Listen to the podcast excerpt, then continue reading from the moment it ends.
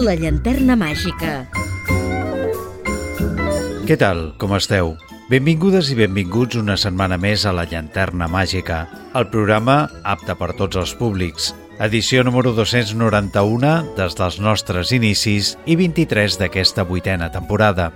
El 13 de febrer és la data proclamada per les Nacions Unides l'any 2012 per celebrar el Dia Mundial de la Ràdio. La ràdio és, avui per avui, el mitjà informatiu més emblemàtic i dinàmic malgrat els avanços i els nous sistemes de comunicació que han sorgit en el darrer segle. L'objectiu principal d'aquest dia és fer de la ràdio un mitjà interactiu que fomenti el debat per tractar diferents temes que interessen a la col·lectivitat. A més, la ràdio té l'avantatge d'arribar a llocs remots on no és possible arribar mitjançant l'ús d'altres tecnologies més modernes. El seu paper en la història de la comunicació l'ha convertit en protagonista de diferents pel·lícules cinematogràfiques. Però abans de parlar d'aquest tema, recordar-vos que podeu seguir la nostra activitat i escoltar els darrers programes emesos a les xarxes socials. Segueix el programa al Facebook facebook.com barra la llanterna màgica. Tenim un correu electrònic per si us cal contactar amb nosaltres o fer-nos arribar les vostres consultes o suggeriments. Vols contactar amb el programa? llanterna01 arroba gmail.com Un cop feta la presentació inicial, comencem. La llanterna màgica, amb Jordi Terrades.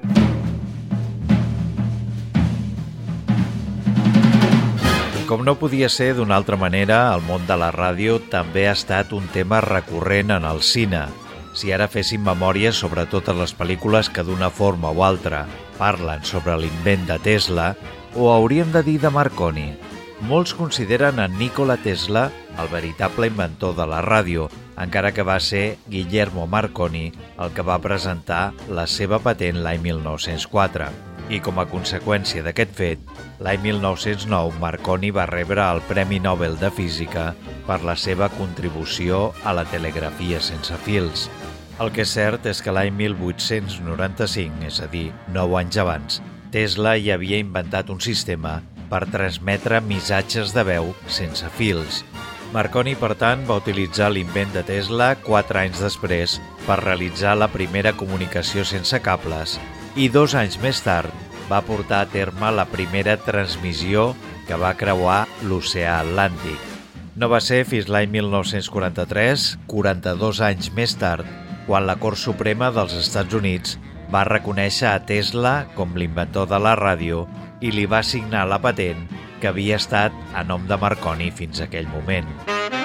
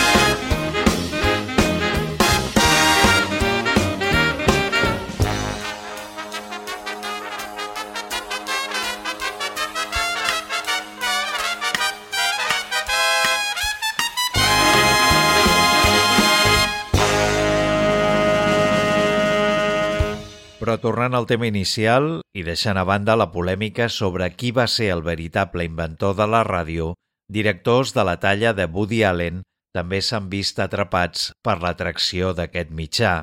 El cineasta li va voler retre un homenatge a la pel·lícula Dies de Ràdio, on plasma l'època daurada de la ràdio als Estats Units, un homenatge a la cultura popular radiofònica a través d'una successió de situacions amb la ràdio com a fil conductor. Tots sabem que el director és un apassionat de la música, especialment del jazz, que en aquesta pel·lícula acompanya majestuosament a les imatges. Els temes escollits per Allen per aquest film són antològics, possiblement una de les millors bandes sonores de totes les seves pel·lícules, amb interpretacions de Tommy Dorsey, Bing Crosby, les germanes Andrews, Glenn Miller o el mateix Duke Ellington.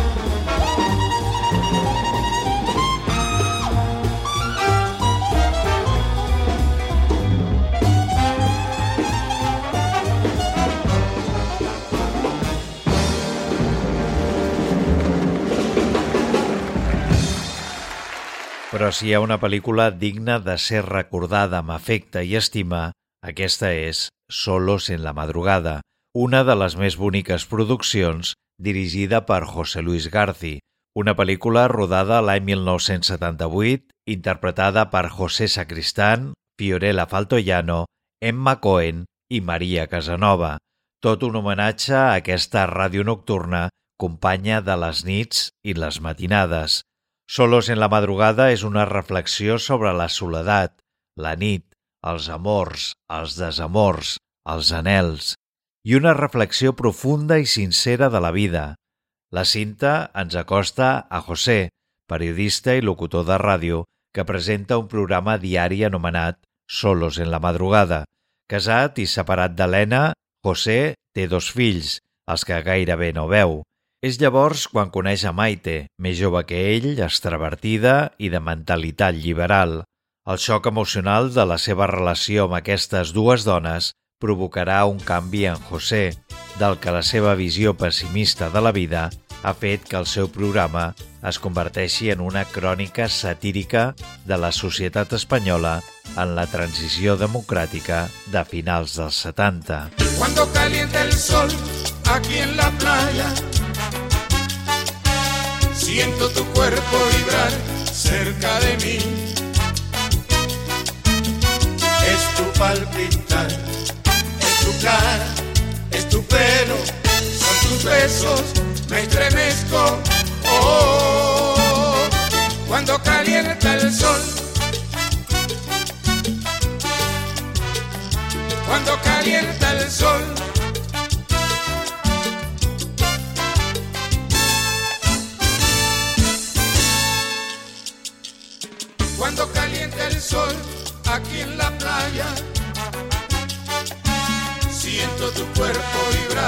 Cerca de mí. Es tu palpitar, tu recuerdo, mi locura, mi delirio, me estremezco. Oh, cuando calienta el sol.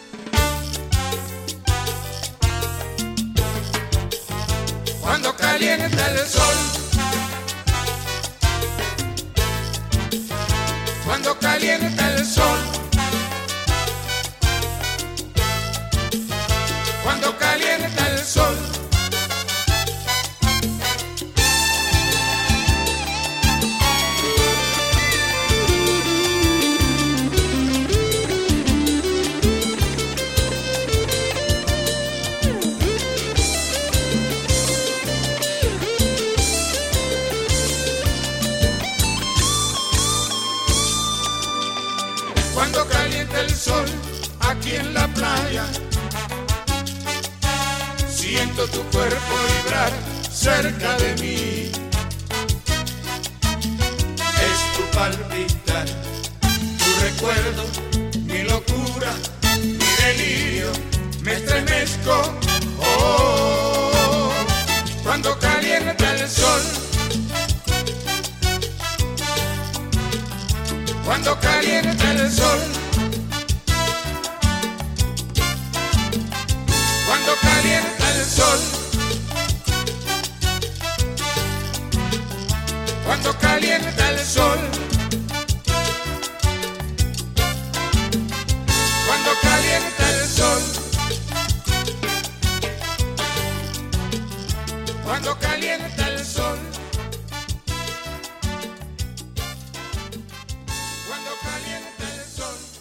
La llanterna màgica a Ràdio Sabadell. Hi ha pel·lícules on una excel·lent interpretació de l'actor protagonista fa ombra a la resta de virtuts de la producció. Això és el que passa amb Told to Me. Després de veure-la, un té la sensació de que és una història correcta, però sense més, on el talent de Don Cheadle, més conegut per interpretar el personatge del tinent coronel James Rhodes, un dels superherois de la sèrie de Marvel, fagocita la resta d'ingredients. El protagonista de Told to Me, l'exconvicte Ralph P.J. Green, interpretat per l'actor, és un xerraire amb grans dots per la comunicació forjats a l'emissora de ràdio de la presó, on ha estat alguns anys. Gràcies a Debbie Hughes, director de programes de la WOLAM, Pitti afronta la seva inexperiència i es converteix en tota una icona de la ràdio, superant en popularitat a altres estrelles del panorama radiofònic, però aviat els seus enfurismats al·legats contra el racisme acabaran portant seriosos problemes legals a l'emissora. La directora de la pel·lícula, Cassie Lemons, ens introdueix en aquesta història basada en fets reals. Pitty Green va ser una figura determinant com a portaveu de la comunitat negra durant aquest turbulent període de la història nord-americana.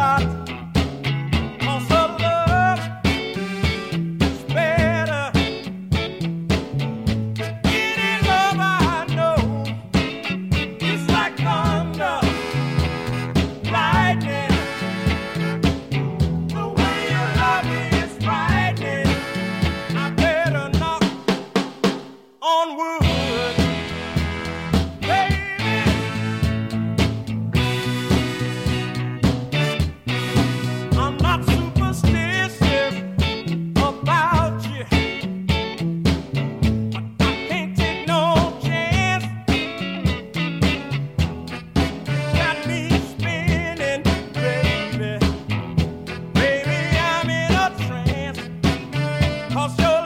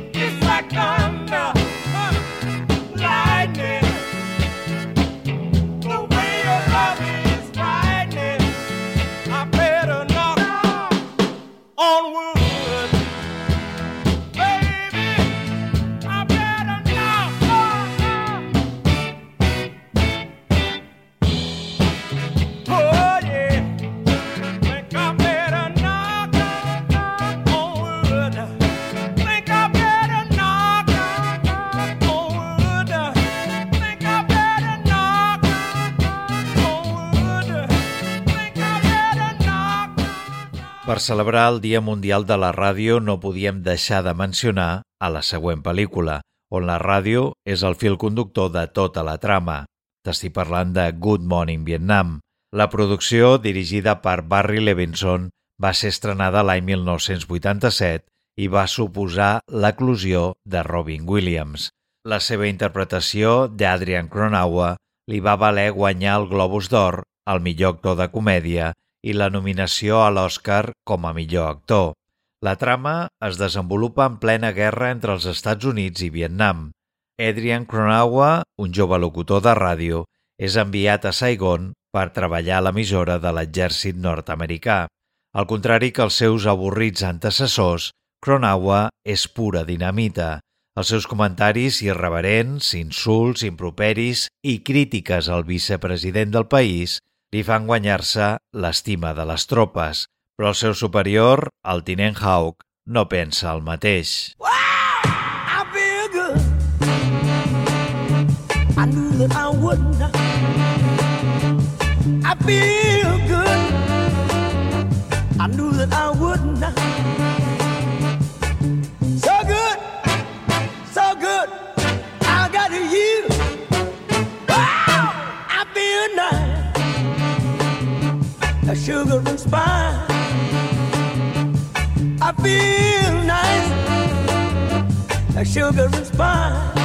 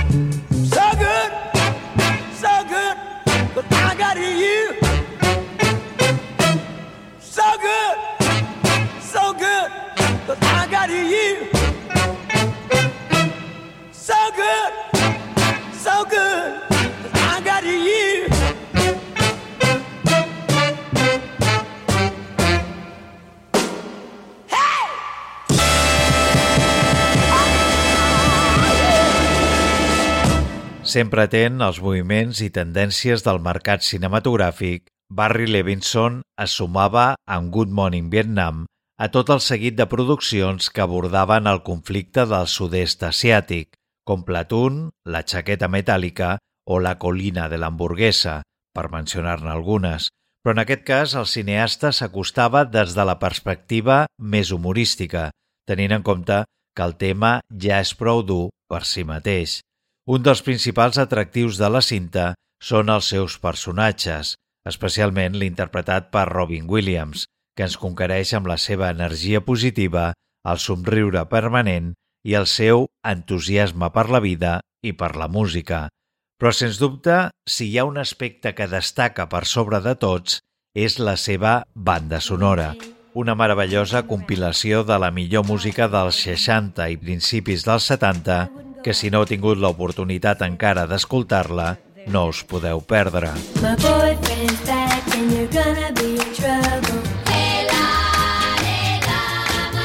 When see better cut out the double.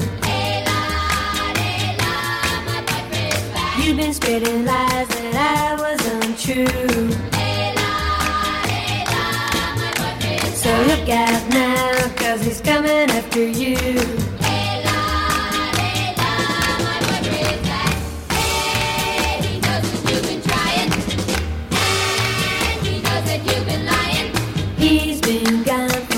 Such a long time. Ela, Ela, my boyfriend's back. Now he's back and things will be fine.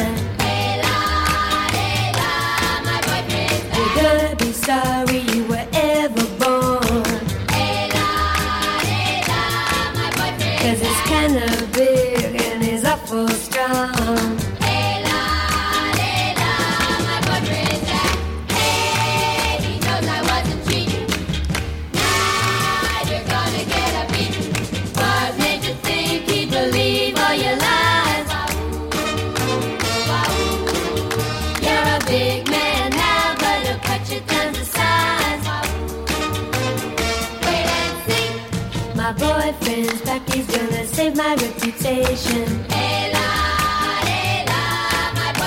If I were you, I'd take a permanent vacation.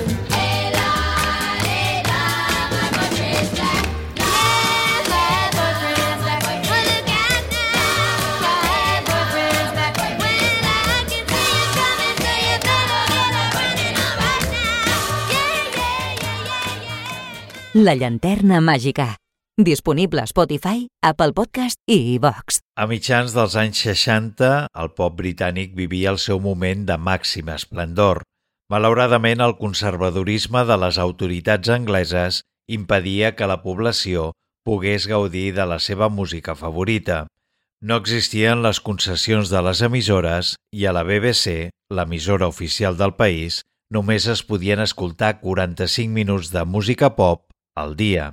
És per això que des de les aigües del Mar del Nord, emissores pirates oferien aquest servei a més de 25 milions d'oients diaris, més de la meitat de la població. Aquesta és la història de Ràdio Encubierta, jugant amb el títol de la producció. El seu director, Richard Curtis, més conegut per a produccions com Quatre bodes i un funeral i Nothing Hill, es va saber rodejar d'un bon elenc d'actors com Kenneth Branagh, Phyllis Seymour Hoffman, Nick Frost o Bill Nighy. No cal dir que la banda sonora d'aquesta pel·lícula és una delícia per tots aquells aficionats a la bona música. Put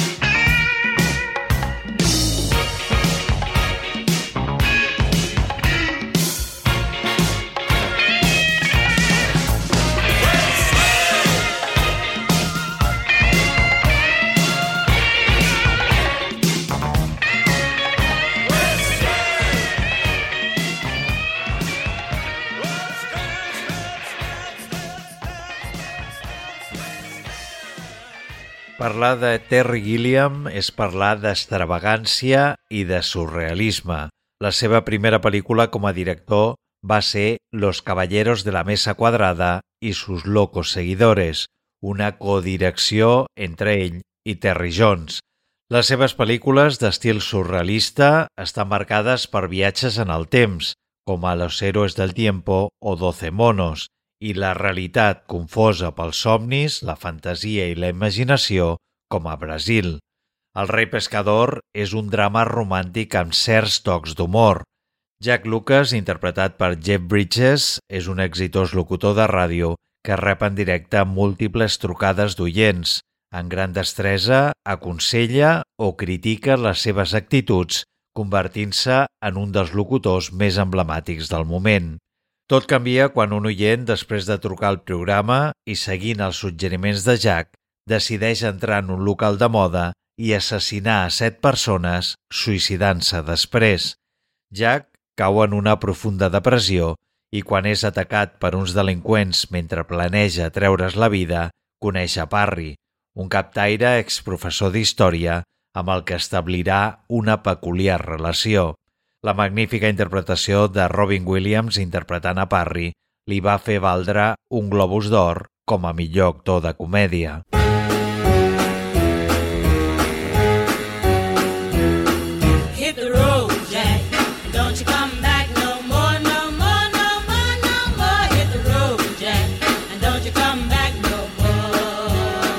What Hit say? the road, Jack. And don't you come back no more, no more, no more, no more. Hit the road, Jack. And don't you come back no more. Oh woman, oh woman, don't treat me so mean. You're the meanest old woman that I've ever seen. I guess if you say so, I'll have to pack my things and go.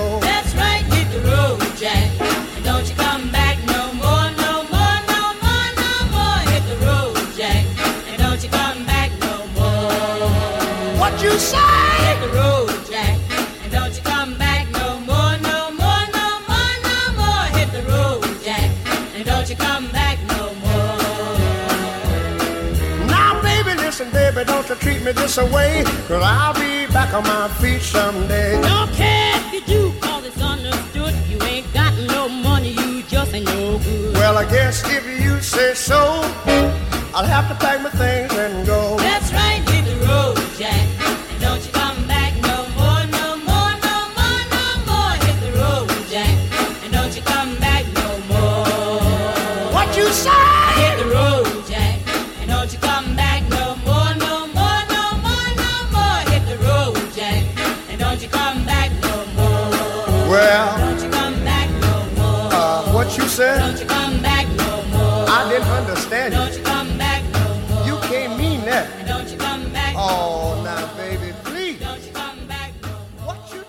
Terry Gilliam, component de la formació Monty Python, ens mostra cruament una societat alienada i despietada on el món materialista i de la fama és buit i no té cap sentit, com la història del rei pescador que Parry li explica a Jack.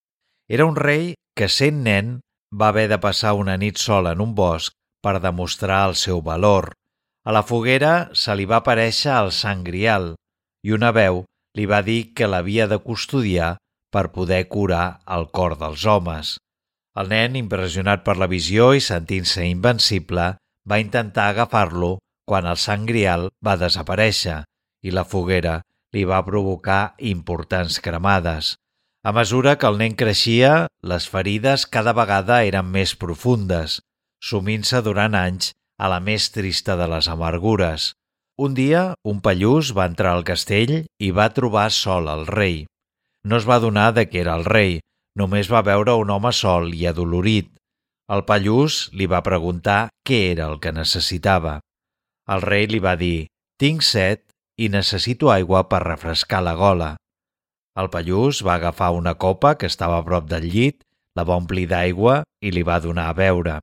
Quan el rei va començar a beure, es va donar de que la ferida estava curada.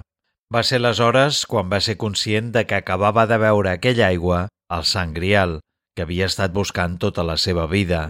Es va girar al pallús i li va dir Com has trobat tu el que els meus millors i més valents homes no han pogut? I el Pallús li va respondre No ho sé, la única cosa que sé és que tenia set. I'm sorry, so sorry that I was such a fool. I didn't know love could be so cruel.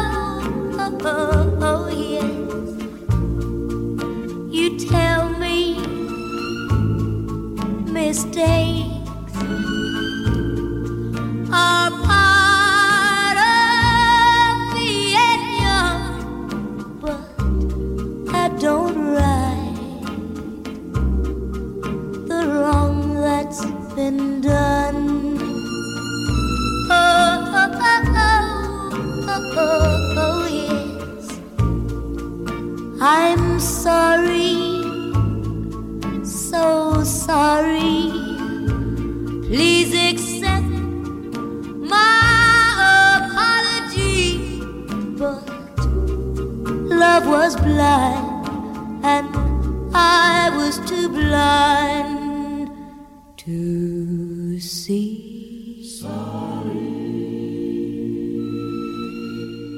La llanterna màgica, a Ràdio Sabadell 94.6. L'oscaritzada pel·lícula dirigida per Tom Hooper i protagonitzada per Colin Firth, El discurso del rei, abordava el tragicòmic tartamudeig de Jorge VI d'Anglaterra, pare de l'actual reina Isabel II. Magnífica la interpretació de Firth, que ens mostra un home atormentat per un fet que per la majoria de persones és tan natural com respirar, parlar. La desesperació d'un home que ha de representar a tot un país i és incapaç de pronunciar unes quantes paraules sense embarbussar-se. Així doncs, el film plasma una època on la ràdio tenia una gran importància e impacte en els mitjans de comunicació. En el transcurs de la història hi ha un moment on el monarca pronuncia una frase tan senzilla com intensa. Està la nació preparada per a dos minuts de silenci a la ràdio? Una pel·lícula tan cuidada que fins i tot intercala algun que d'altre vídeo real, com el de la coronació del rei Jorge VI o el moment on el Regne Unit entra en un estat de guerra contra Alemanya el 3 de setembre de 1933. Tot retransmès a través de la ràdio, per descomptat.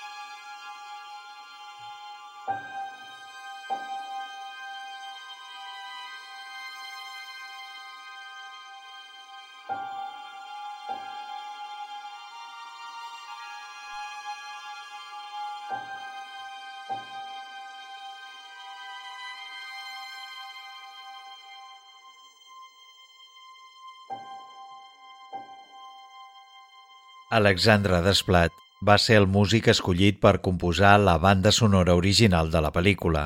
La partitura consisteix en arranjaments per a cordes i pianos, la finalitat de la qual és acompanyar la tristesa del rei. La música que s'escolta al final de la producció, mentre realitza la transmissió per ràdio del discurs de 1939, és el segon moviment de la Sinfonia número 7 de Beethoven. A la 83 edició dels Premis Òscar, El discurso del rei va obtenir el premi a la millor pel·lícula, al millor director, al millor actor per Colin Firth i al millor guió original. Va rebre 12 nominacions, més que cap altra en aquesta edició. A més de les quatre estatuetes, va estar nominada a la millor fotografia, muntatge, so, banda sonora, dos, el millor actor de repartiment per Bronhan Carter i Rush, posada en escena i disseny de vestuari, sense oblidar-nos del set BAFTA, entre d'altres premis i reconeixements.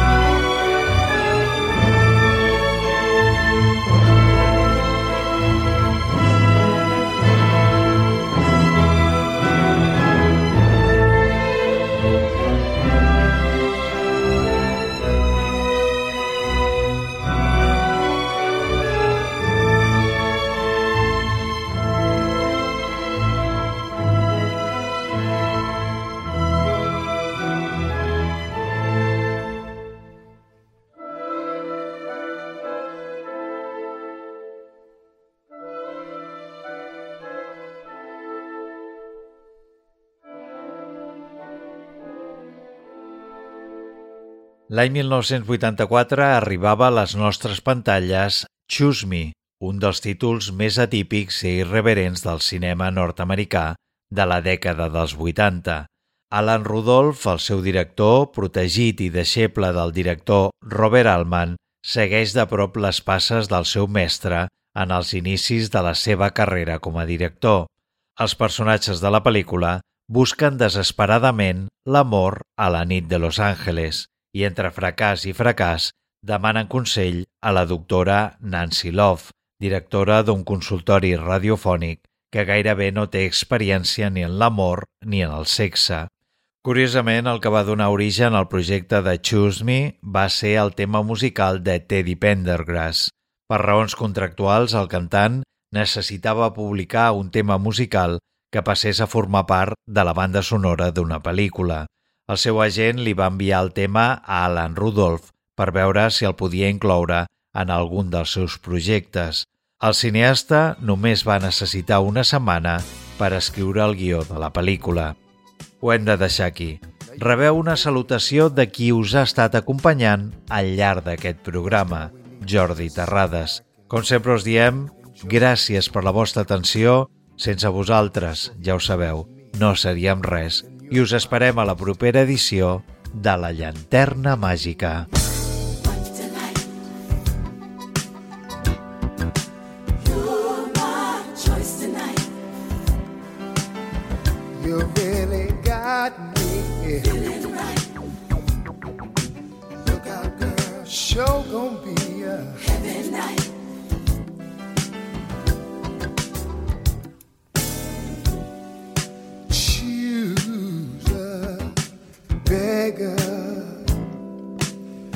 What's your pleasure, girl?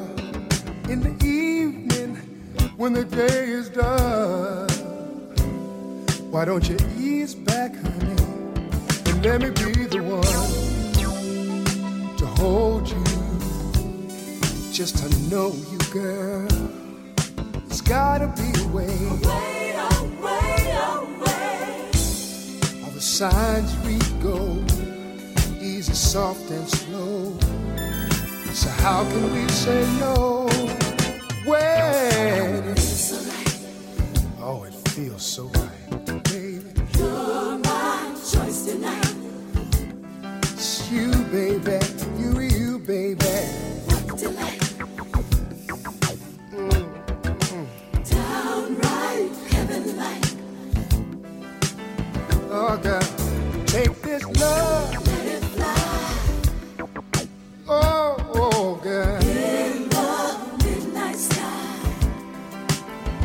I said you got me, baby. Feeling right. Yeah,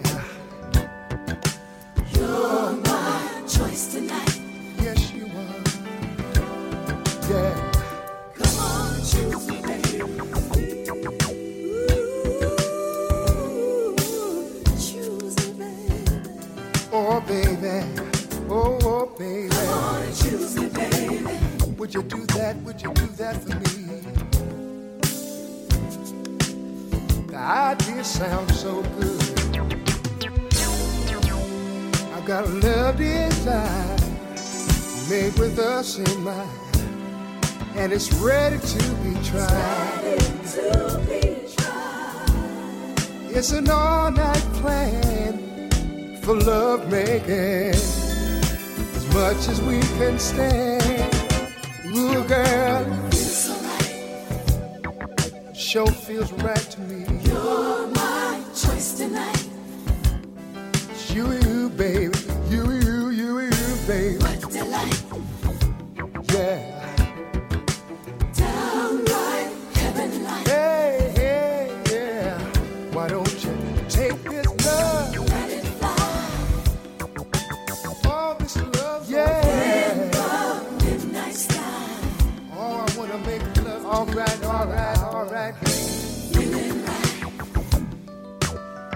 sure got me. You're my choice tonight. Whatever you want, but how about you, baby? Oh, choose me, baby, choose me, baby, choose, choose me, baby. baby. I got the plan, baby. Would you do that?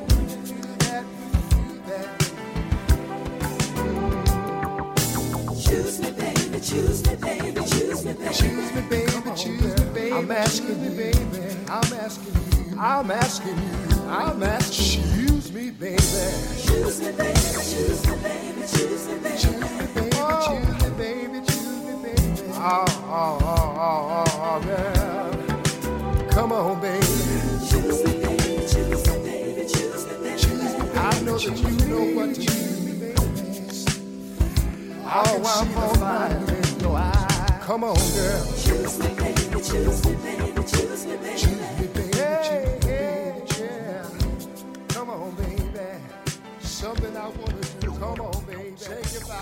La llanterna màgica, amb Jordi Terrades, a Ràdio Sabadell 94.6.